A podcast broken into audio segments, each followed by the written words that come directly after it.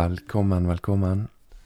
Tor Håp og ærlighet-podkasten. Det er den du har lastet ned, og det er den du nå hører på.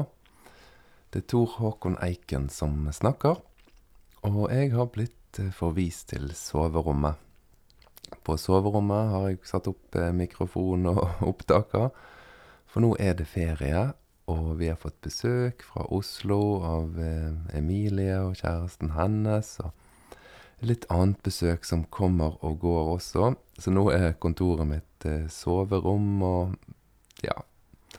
Så hvis du hører mye lyder i bakgrunnen osv., så, videre, så kan du bare vite det at det er leiligheten som begynner å våkne, folk som begynner å komme seg på beina og ting som skjer. Så litt lyder i bakgrunnen, det kan det være. Men da får du tenke at dette er bare sommerkos. Dette er en sommersending. Og planen for i dag planen for denne podkasten, det er å gå litt videre fra forrige episode. Til en avveksling så tror jeg nesten jeg vil si det, at hvis ikke du hørte episoden om Jeremia og Greta, så bør du nesten hoppe en uke tilbake og høre den først, og så høre denne her episoden etterpå.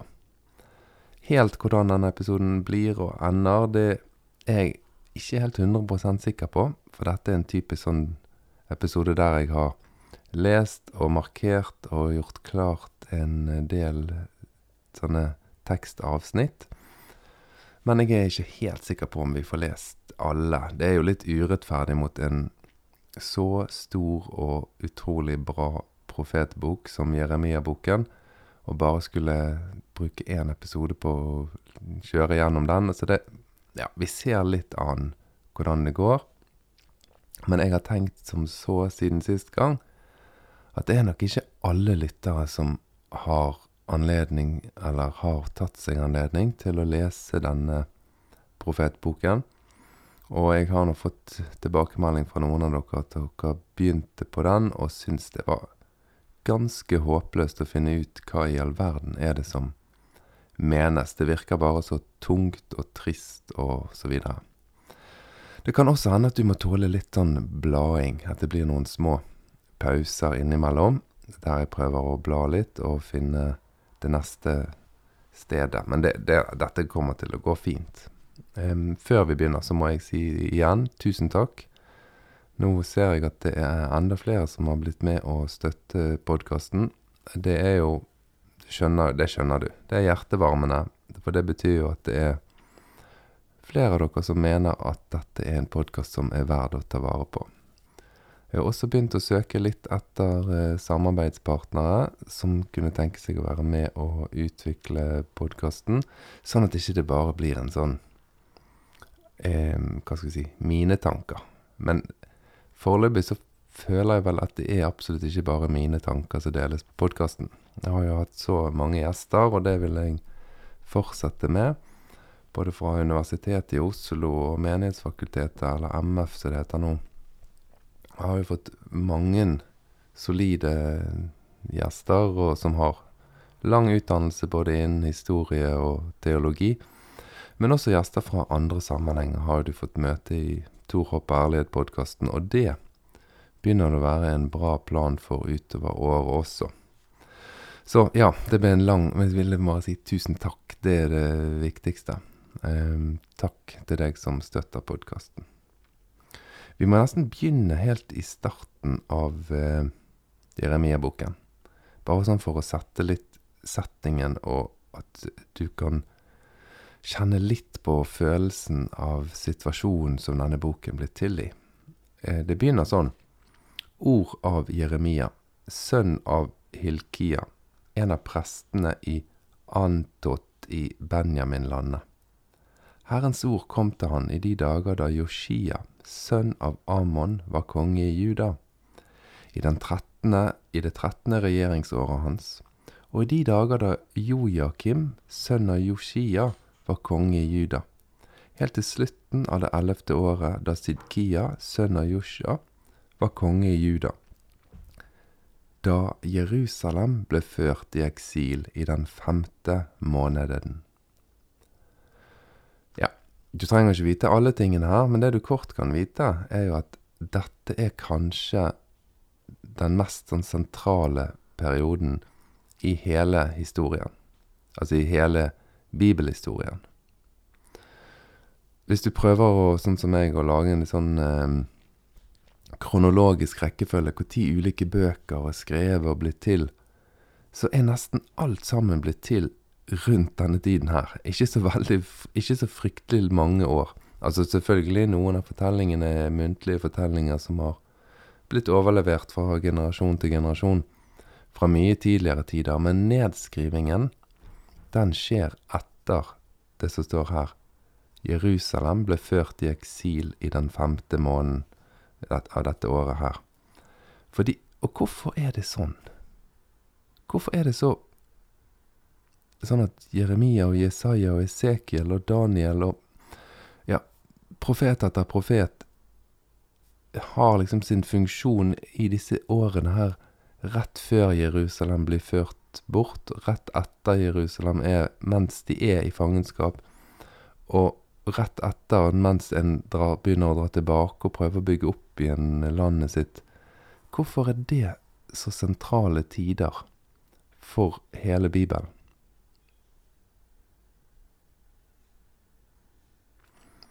Det er jo det at hele denne bekreftelsen på at Gud var med israelsfolket, det var jo at de fikk det landet. Vi vet jo at de ikke fikk det landet, og vi vet at selv om det står i Josfas bok at de hadde inntatt hele landet, så kommer de neste bøkene, så ser du at det er jo geriljakriging og frem og tilbake. Plutselig har de litt makt, og så mister de all makt. og så men nå ble de så definitivt bortført. Det lille landet Israel, Judea Det er jo et land som ligger så sentralt til at alle de store rikene, asyrerne, perserne, Alexander den store, Romerriket Alle sammen flyttet seg mellom Egypt og Hvis du tenker Eufrat, Tigriselven, elvene Iran-Irak-området der, så det var jo virkelig kjernen av utviklingen av eh, samfunn, de første samfunnene. Så ligger Israel da nesten som en sånn korridor mellom Egypt og de rike områdene rundt Nilen, der som Ja, der som det også var veldig tidlige sivilisasjoner. Så ligger det et lite land som blir en sånn der eh, jeg vet ikke, de kommer alltid i mellomposisjon, så de blir jo banket av alle de store rikene. Det er jo en helt, det er jo en helt brutal og forferdelig historie. Altså, det israelske folket har jammen meg blitt utsatt for uendelig mye ondskap, sant. Men de hadde fått et land, og de hadde hatt en sånn høy Ja, en tid som ble sånn sagnomspunnet. Der det var en David-konge og en Salomo-konge og da gikk det så bra. Da var det fred i landet, og da var det rikdom og velstand og gode avlinger og Så det ble et sånn Den tiden ble et sånn tegn på hvordan det er når folket følger lovene, når de tar seg av de som har det vanskelig, når de passer på at alle har det godt. Ingen tar renter av noen. Um, hvis du har kommet i en situasjon der du skylder så mye at ikke du klarer å betale, og du må bli slaven til noen, så vet du at det gjelder bare for en tid. Og så blir du frigitt igjen, og landet som tilhører din slekt, selv om du må selge det, så vet du at det kommer tilbake til din slekt. For ingen skal legge eiendom til eiendom og bygge seg et imperie. Altså et folk som ikke engang skal ha konge i utgangspunktet. For alle skal følge sin samvittighet og lytte til Herrens stemme. At det er et veldig sånn Hva si drømmesamfunn de forsøker å lage her, da. Jeg pleier å tenke at de forsøker å lage et samfunn som er på en måte tilbake til poesien om hagen.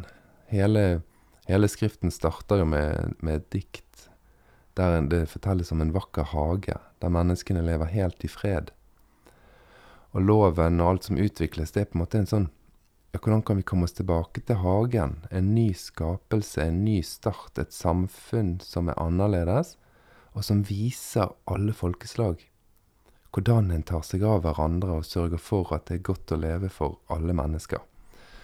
Dette er liksom den store drømmen. Men så leser vi her i innledningen av Jeremia, da, om konger.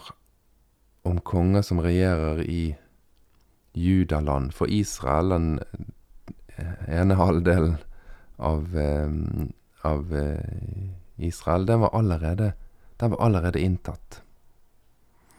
Så han Ja, nå ble det mange detaljer. Jeg skal prøve ikke å være så detaljert. Um, kort sagt, kongene som nevnes her i innledningen, som er konger mens Jeremia fungerer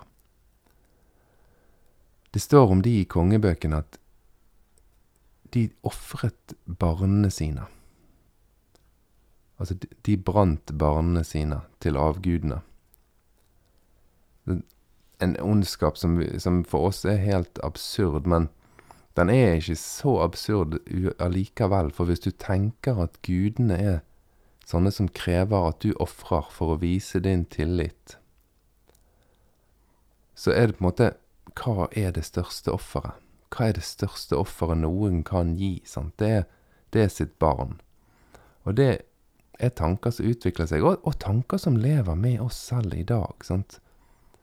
Um, jeg må dessverre si at jeg møter uh, både unge og voksne som har blitt utstøtt av sin familie, av sine foreldre.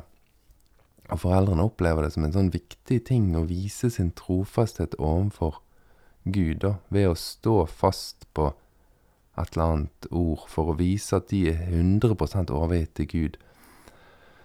De ville aldri brent barna sine i dag, sant. Men allikevel, det er en sånn offermentalitet. At vi ofrer for at Gud skal være fornøyd, og jeg skal være en som står for Gud. Men her hadde de altså ofret til det som Jeremia tenker som avguder. Og så, så går vi videre, så står det sånn Herrens ord kom til meg, og her skrives det som om det er Jeremia som skriver. Men det blir veldig tydelig i boken at det er det ikke. Det er noen som skriver ned muntlige, de muntlige fremføringene som Jeremia utfører. Og så er det helt sikkert blitt redigert mange ganger, lenge etter Jeremia døde, og lagt til tanker og skrevet tanker inn i Jeremia sin munn og situasjon, lenge etter han døde også. Men det, det kan hende vi kommer tilbake til. Men det første som Jeremia da sier at han har fått høre, det er Før jeg formet deg i mors liv, kjente jeg deg. Før du ble født, helliget jeg deg. Til profet for folkeslagene satte jeg deg. Men jeg sa, Å min Herre og Gud, se, jeg kan ikke tale, jeg er for ung. Da sa Herren til meg, Du skal ikke si, Jeg er ung Overalt hvor jeg sender deg, skal du gå, og alt jeg befaler deg, skal du si. Vær ikke redd for dem, jeg er med deg og skal berge deg, sier Herren. Herren rakte ut hånden og rørte ved munnen min. Så sa Herren til meg, Nå legger jeg mine ord i din munn. Se, jeg setter deg i dag over folk og riker, til å rykke opp og rive ned, til å ødelegge og knuse, til å bygge og plante. Hvor mange ganger i historien er det ikke sånn at det er unge mennesker? Unge mennesker blir grepet av en situasjon eller et budskap og tenker 'dette må jeg endre'. Jeg brukte Greta Thunberg som eksempel sist gang. En ung person som blir grepet av at vi ødelegger kloden vår. Og at kanskje, hvis hun får barn, så vil det ikke være mulig for barn og barnebarn å leve gode liv på denne kloden fordi at vi ødelegger den. Og det har blitt så alvorlig for hun at hun streiker. Eller du kan eh, se Malala som bare tenker kvinner må også kunne gå på skole. Hun går på skole, og blir skutt i hodet, men fortsetter arbeidet når hun er på plass igjen. Unge mennesker som bare sier vi må ha en endring. En sånn person er Jeremia. Og det kan du ha i bakhodet. Se for deg en 16-åring eller noe sånt, som ser at vet du hva, sånn som vi lever her, så er ikke vi det folket. Det står at han er sønn av en prest, sant. Så han har nok mest sannsynlig lært disse lovene som handler om å utligne urettferdighet. Det å la de fattige ha rettigheter. En som hadde samtalt rundt lovene. Og så en, en, liten ting til som du kan ha med deg i denne Jeremia-boken. Alle evangeliene om Jesus, hvis du leser de, så vil du se at det er en sånn tradisjon som dette. En tradisjon der en reagerer på rikdom. Reagerer sterkt mot de rike, de som er, har mer enn nok, og som lever fint med at de rundt de har det vondt. Det er en sånn tradisjon Jesus lever. Han viderefører disse profetbøkene og profetoppgavene. Og det er jo flere som omtaler Jesus som en profet. Hvis vi skal tro evangeliene, så er det mange som tenker på Jesus i denne tradisjonen. Og jeg har nevnt før på denne podkasten at essenerne er et uh, miljø som utvikler seg i profettradisjonen frem mot Jesus sin tid. Og de tar disse profetbøkene svært på alvor. Det er gjort utgravinger og funnet huler som har vært sånne essenermiljøer. Og da finner du alltid profetbøkene. Du finner, der fant de også annen litteratur. Men det er tydelig at de var veldig opptatt av disse budskapene som oppfordrer til å leve enkelt for å sørge for at alle har det de trenger til, og ta vare på jorden og ta vare på kloden. Og ikke minst motarbeide ulikheter. Så når du leser disse første kapitlene, da kan du se for deg en 16-åring som er grepet av at her er det feil oppførsel. Vi har forkastet lovene. Og så når du kommer til ja, slutten av kapittel to eller midten av kapittel to, så kan du hele tiden ha med deg at han lever i et samfunn der det ikke er sosiale medier, der det ikke er posters på vegger, der det ikke er sånne muligheter. Så han prøver å få oppmerksomhet til budskapet sitt. Og som jeg nevnte sist gang, så er dette et patriarkalsk samfunn, der mennene eier kvinnene som eiendom. Det er deres. Og det mest sånn ydmykende for en mann, det ville jo være å ha en kone som ikke er trofast. For det er hans ære. Sant? Det er hans ære som står på spill hvis, hvis eh, datteren eller konen eller altså noen av de kvinnelige som han eier i sitt hushold, ligger med en mann uten at det er gjort en avtale og en pakt og en overføring av eierskapet.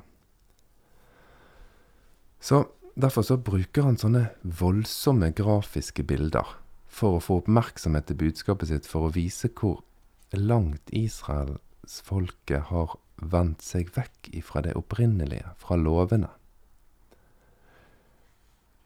Vers 20, 20 i kapittel 2. Du sa, Jeg vil ikke tjene. På hver høy haug og under hvert frodig tre la du deg ned og drev hor. Jeg plantet deg som den fineste vin, en ekte stikling. Hvordan kunne du forvandles til villskudd med fremmed vinstokk? Altså en vingård som har feile druer i seg. Hmm. Om du vasker deg med lut og sløser med såpe, er din skyld like skitten for meg, sier Herren Gud. Hvordan kan du si, jeg er ikke blitt uren, jeg er ikke fulgt Baal-gudene? Se hvor du gikk ned i dalen, forstå hva du har gjort. Dalen og Baal-gudene, det er hentydninger til avgudsdyrkning og til denne ofringen, til og med av ofringen av barn. Ja, forstå hva du har gjort. En rask kamelhoppe som renner hit og dit, et villesel som kjenner ørken og snapper etter pusten i brunst. hvem kan holde henne tilbake? De som leter etter henne, sliter seg ikke ut i paringstiden, finner de henne lett. Altså, israelsfolket er som en kamel i paringstiden. Og denne hoppen, en damekamelen, er lett, er veldig lett å få til å ville pare seg. I paringstiden finner de henne lett. Gå ikke barføtt, spar strupen din for tørst. Men du sier det nytter ikke, jeg elsker de fremmede, jeg vil gå etter dem. Du skjønner, som jeg sa sist gang, dette er ganske sterke bilder for et samfunn som kjenner til, som er til stede og ser på paring av kameler og esler. Og som jeg nevnte sist gang, vi kan jo bli litt brydd når hundene våre har paringstid, og måten de byr seg frem til nabohunden osv. Men du kan jo tenke deg, når det, når det gjelder en kamel eller et esel sant? Dette er veldig tydelige bilder som disse folkene som hører Jeremia, forstår. Vers 33. Så flink du er til å finne veien når du er ute etter elskov. Derfor har du også lært deg å gå på onde veier. På kappeflikene dine finnes blod fra uskyldige fattigfolk, som du ikke har grepet i innbrudd. Likevel sier du, Jeg er uskyldig, hans vrede har vendt seg fra meg. Det er viktig, det er viktig forfatteren, for forfatterne av disse bøkene å forklare hvordan det kunne skje at Jerusalem ble inntatt, og at jødefolket ble bortført. Og det, deres forklaring er helt klart at ja, det er jo fordi at vi har vendt oss vekk ifra vår Gud. Den loven og den retningen som vi skulle vandre på, det folket vi skulle være som var så annerledes, det er ikke vi lenger, så det er ikke rart det går galt med oss. Men legg merke til, her begynner Jeremia å hinte til hva det er de egentlig gjør som er feil. Alt dette kamelhoppet og horingen på høyder under hvert tre, det, det er ikke Jeremia sitt budskap. Det er ikke det som er viktig. sant? Dette er for å skape oppmerksomhet. Men akkurat i det lille avsnittet her, så sier han på kappeflikene dine finnes blod fra uskyldige fattigfolk som du ikke har grepet i innbrudd. Altså mennesker som uskyldig blir banket eller drept. Det finnes blod fra de på din kappeflik. Det er fattigfolk som ikke får riktig dom. Skjønner du korrupsjonen som ligger under i dette? Urettferdig dom. Dette er jo ting som virkelig gjelder oss i dag. sant? Vi snakker jo mye om at det er lik lov for alle, men vi vet jo det at de som er rike, de som er virkelig rike, de har råd til advokater som klarer å trenere saker på en sånn måte at de fattige, som har lyst til å gå til sak mot de, og som har blitt urettferdig behandlet, de våger ikke. Det er sånne ting Jeremia reagerer på. At de rike har et bedre vern enn de fattige, og at de rike benytter seg av det vernet. Vi går litt videre, kapittel tre. Om en mann sender bort sin kone, og hun går fra han og blir en annen manns, kan han så vende tilbake til henne? Nei, kvinnen ville bli vanhelliget, og så skulle du som har drevet hor med mange naboer, vende tilbake til meg? Igjen, grafisk bilde.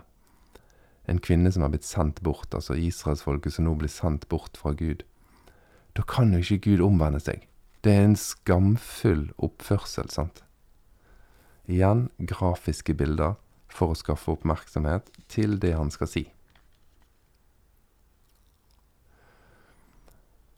Vi er i kapittel 3 og vers 6. Herren sa til meg i kong Joshias dager, har du sett hva den frafalne Israel har gjort?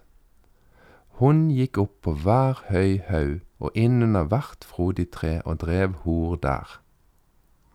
Jeg tenkte, altså Gud tenkte, når hun har drevet på med dette en stund, vil hun vende tilbake til meg, men hun vendte ikke tilbake.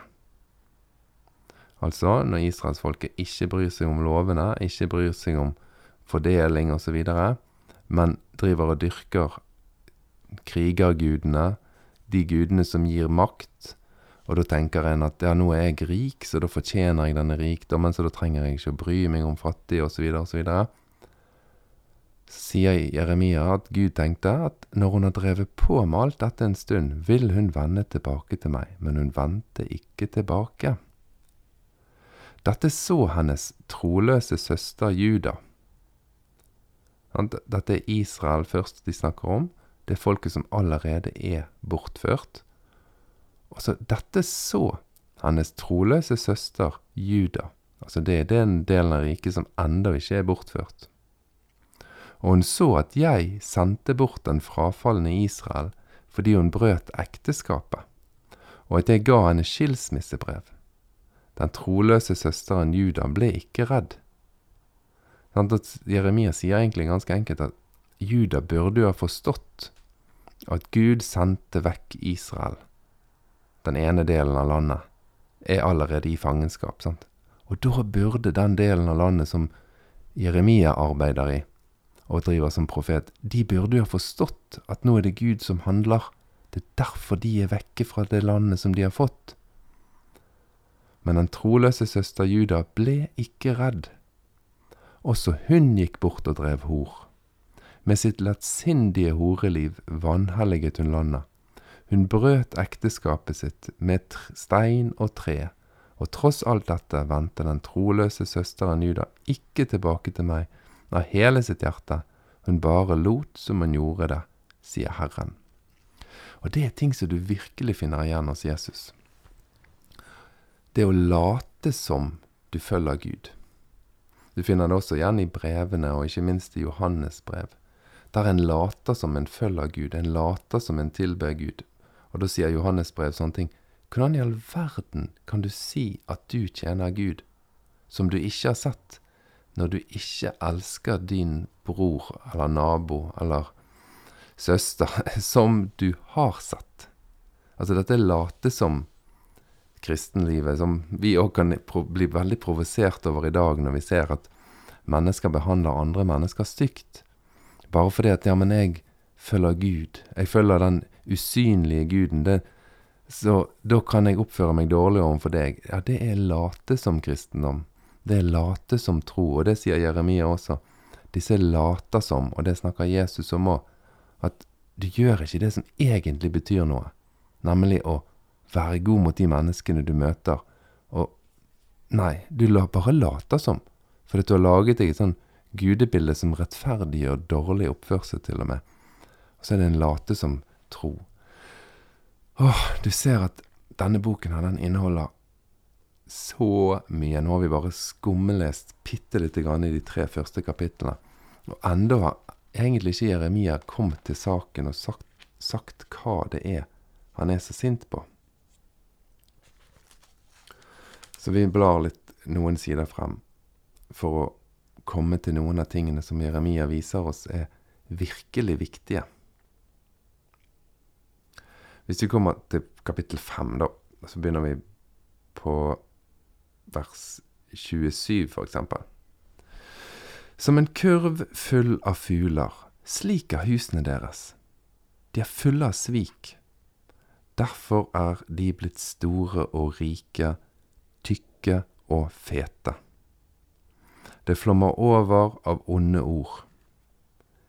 De dømmer ikke rett så farløse kan vinne fram med sin sak. Og de hjelper ikke fattige til deres rett. Skulle jeg ikke straffe dem for dette, sier Herren, skulle jeg ikke hevne meg på et folkeslag som dette.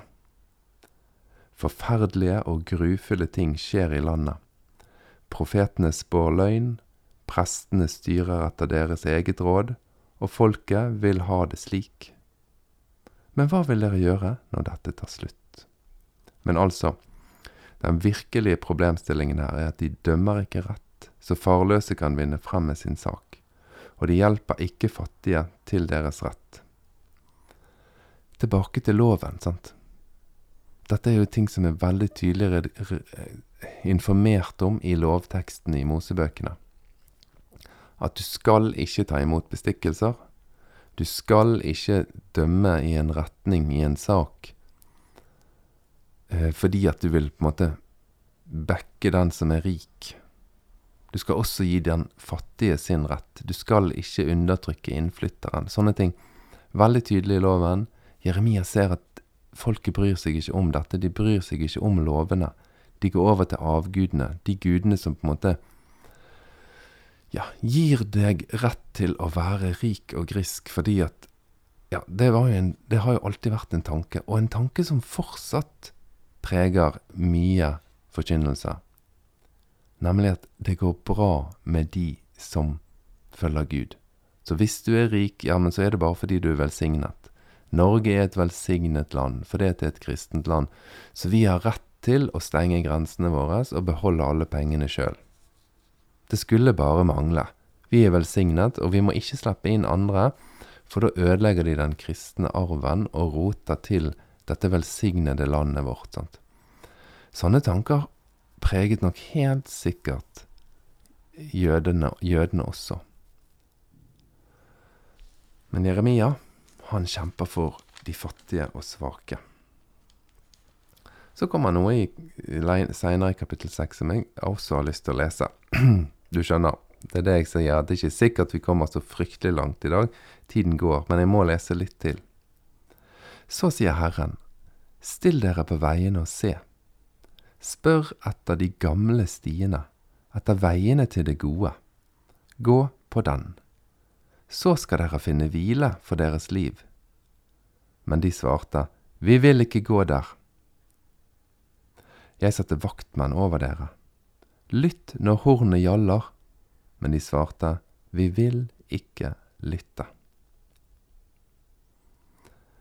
Ja, igjen så kjenner du sånne undertoner og tråder frem til Jesus sin forkynnelse.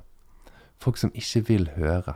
De vil ikke ta opp igjen det som lovene, de gode lovene, de gode tankene, sier. De vil ikke La vaktmennene minne de om hva som er riktige prioriteringer. Og så syns jeg at i kapittel syv, i starten der, der syns jeg at jeg kjenner en sånn ny sånn Litt sånn utgreiing av hva som egentlig er problemet. Vers 5 begynner vi da. Men om dere virkelig gjør veiene og gjerningen deres gode, om dere gjør rett mot hverandre, ikke undertrykker innflyttere, farløse og enker, ikke utøser uskyldig blod på dette stedet, og ikke følger andre guder til skade for dere selv.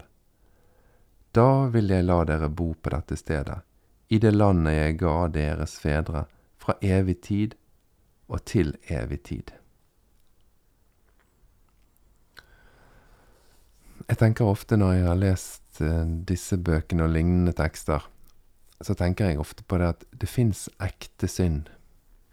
Det fins ekte problemstillinger der vi gjør ekte slemme ting mot hverandre.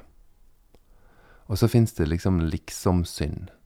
Det fins sånne lister om kortspill og dans, og, og der vi er veldig opptatt av noen små grupperinger som vi kan arrestere. Eksempel en uh, mamma som har fått en baby uten å være gift. Sånne, sånne grupper har vi tråkket på opp gjennom historien. sant? Så gjør vi synd og det begrepet synd, det ordet, det gjør vi til noe som ikke gjelder oss. Det gjelder noen små grupper, noen som vi kan ta, noen som vi kan tråkke på.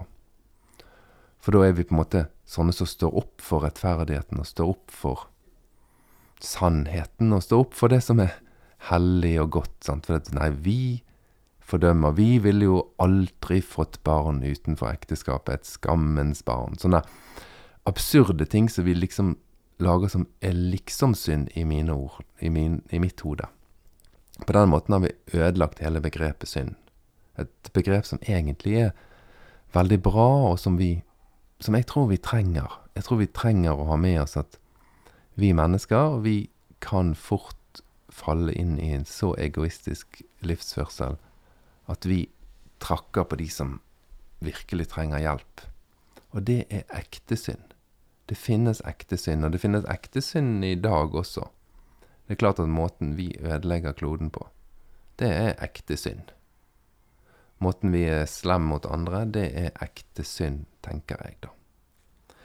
Det er en annen episode som jeg håper på vi får laget. Men Jeremia, her peker han på det som jeg vil kalle ekte synd. Og så må jeg bare lese noe som jeg også leste sist gang.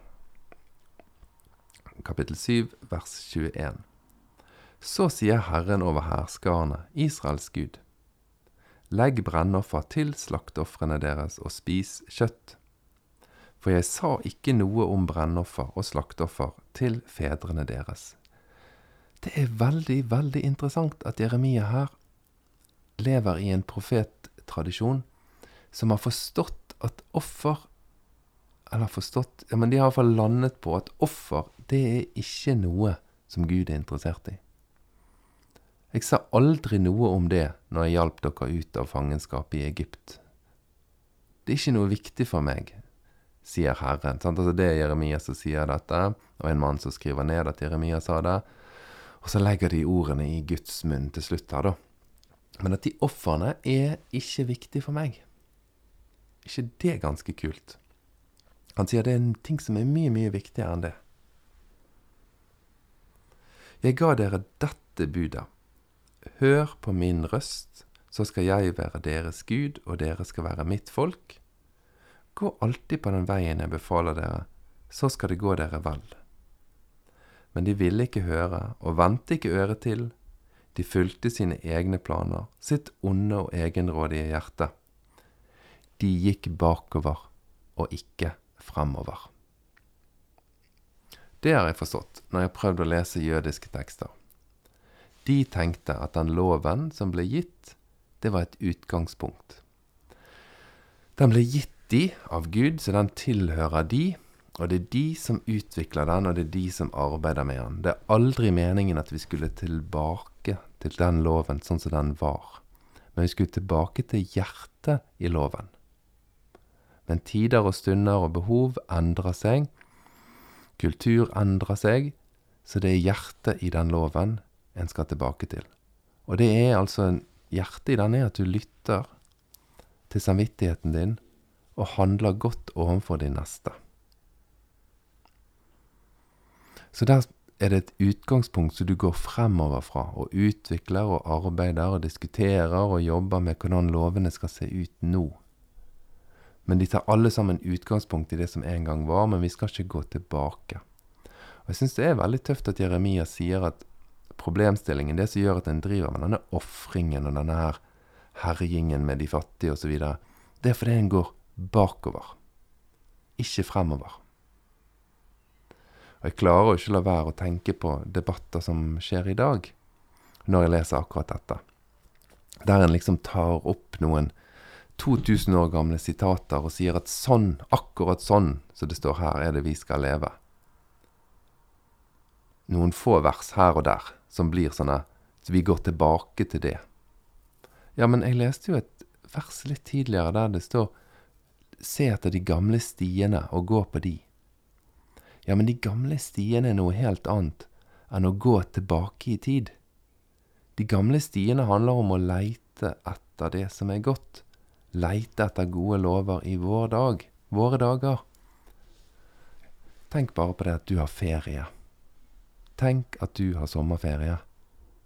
Det er en utvikling av lovene som sa at alle mennesker skal ha rett på hviledag. Det er ingen selvfølge at du har ferie.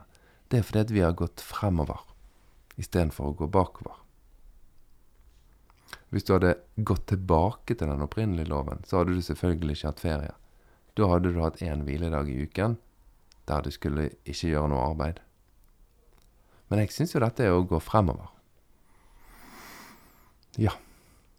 Og så kommer vers 31 i kapittel 7.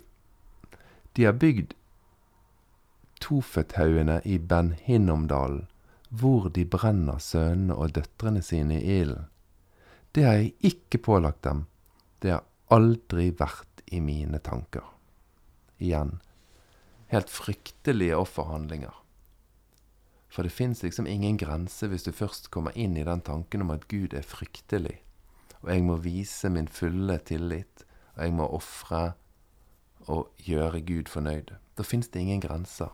Det fins alltid mer, det fins alltid større offer. Og det å ofre barna sine, som Jeremia skriver om her, og som du kan lese om i kongebøkene, det er på en måte det ytterste offer. Men de går bakover når de gjør sånn. Da drar de seg inn i en offertanke. Som Jeremia sier, Gud har aldri bedt om det. Vi skal bla litt kjappere nå. Nå merket jeg at vi må skynde oss litt. Men det er jo kanskje ikke farlig om ikke vi kommer gjennom hele boken. Jeg hadde bare lyst til å vise litt at det er en spennende bok. Trenger litt, bitte litt hjelp til å stille oss på utsiden. Ta et litt sånn steg bakover når du leser denne boken. Få et litt sånn overblikk over bildene. Og så skjønner du da at måten du kanskje, hvis du har vokst opp i en menighetssammenheng, måten du har lært å lese profetbøkene på, den blir ganske meningsløs. Da du plukker ett vers, eller kanskje leser ett kapittel en dag, og så begynner du å tenke 'Hvorfor sier Gud dette?' Det gir nesten ingen mening. Du må på en måte få et helhetsbilde av boken, og se at kap hele kapitler dreier seg om hor og horeliv og kamelhopper og esler osv., men de sier ingenting.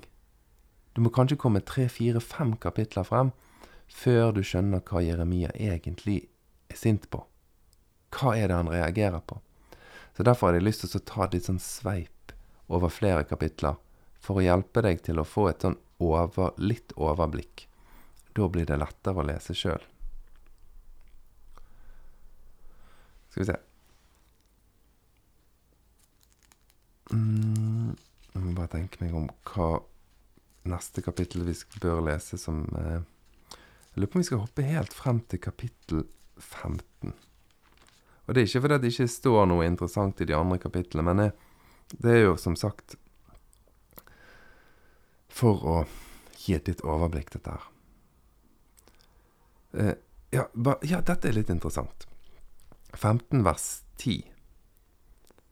For dette minner jo også om andre unge mennesker som lever i dag, som kjenner veldig på at dette er håpløst. De voksne lederne, G8-landene, de rikeste, de vil ikke høre på det vi sier. De fortsetter å produsere plast og fylle havet med drit. Vi er nødt til å snu helt om men de våger ikke, for det vil sannsynligvis være en fare for hvor mye penger de skal ha. sant? Og I den settingen kan du som ung bli helt oppgitt. Og mange ganger vil du se i denne teksten at Jeremia er så deprimert at han helst ville dø. Helst ville han ikke vært til. Ved meg, mor, at du fødte meg, en mann i strid og trette, med hele landet. Og så sier han noe som er for meg i hvert fall, veldig interessant. Det viser at han tar loven på alvor. Jeg har verken gitt eller tatt opp lån, og enda forbanner de meg alle. Det å ta opp lån og betale renter eller kreve renter, det ble sett på som noe av det mest sånn avskyelige bruddet på Guds lov som en kunne gjøre. Og egentlig, når du tenker deg om, så var det veldig fornuftig. Fordi at hvorfor skulle noen bli rik bare fordi de var rik? At ved å låne penger til noen som da ikke var rik, så fikk de bare mer og mer og mer makt over de.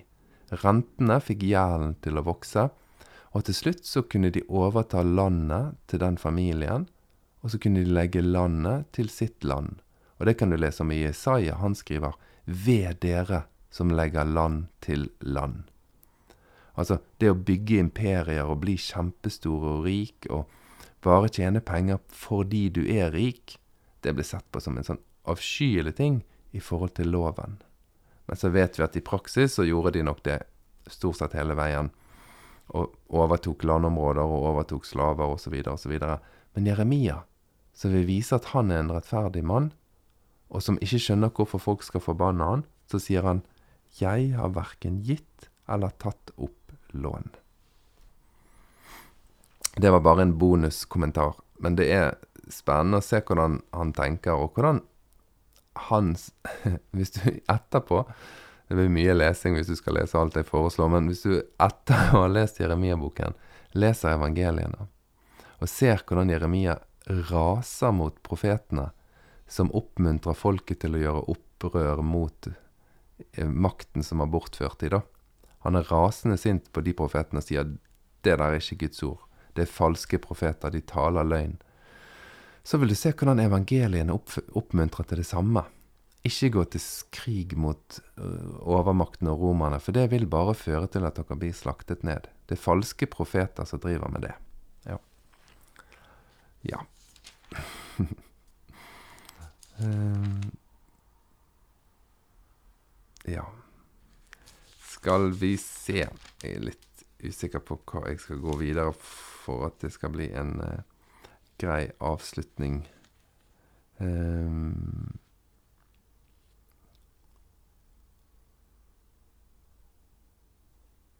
jeg lurer på om vi skal rett og slett bare ta kapittel 20 og vers 7 og lese litt derfra, jeg. Og så sier vi at du får pause til neste uke. For det er Jeremia som er litt sånn ærlig, og prøver å uttrykke følelsene og tankene sine han har om det han driver med. Du lokket meg, Herre, og jeg lot meg lokke. Du ble for sterk for meg og vant. Jeg er til latter hele dagen, alle spotter meg. Og når jeg leser dette, så klarer jeg ikke å la være å tenke på Greta Thunberg. Hver gang jeg snakker, må jeg skrike. Vold og ran roper jeg. For Herrens ord er blitt til spott og skam for meg hele dagen. Jeg sa, Jeg vil ikke tenke på ham. Aldri mer skal jeg tale i hans navn. Da var det noe som brant som en ild i mitt hjerte. Den var innestengt i knoklene mine. Jeg strevde for å stå imot, men jeg greide det ikke. For jeg hører mange som hvisker. Redsel på alle kanter. Meld ham, vi skal melde ham.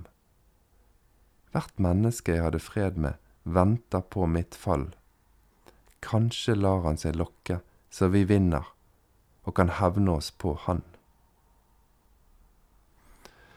Sånne passasjer finner du mange av i Jeremias-boken, der han nesten forbanner dagen han ble født, og forbanner oppgaven han har fått, for den er så vanskelig, for folk vil ikke høre om ekte synd.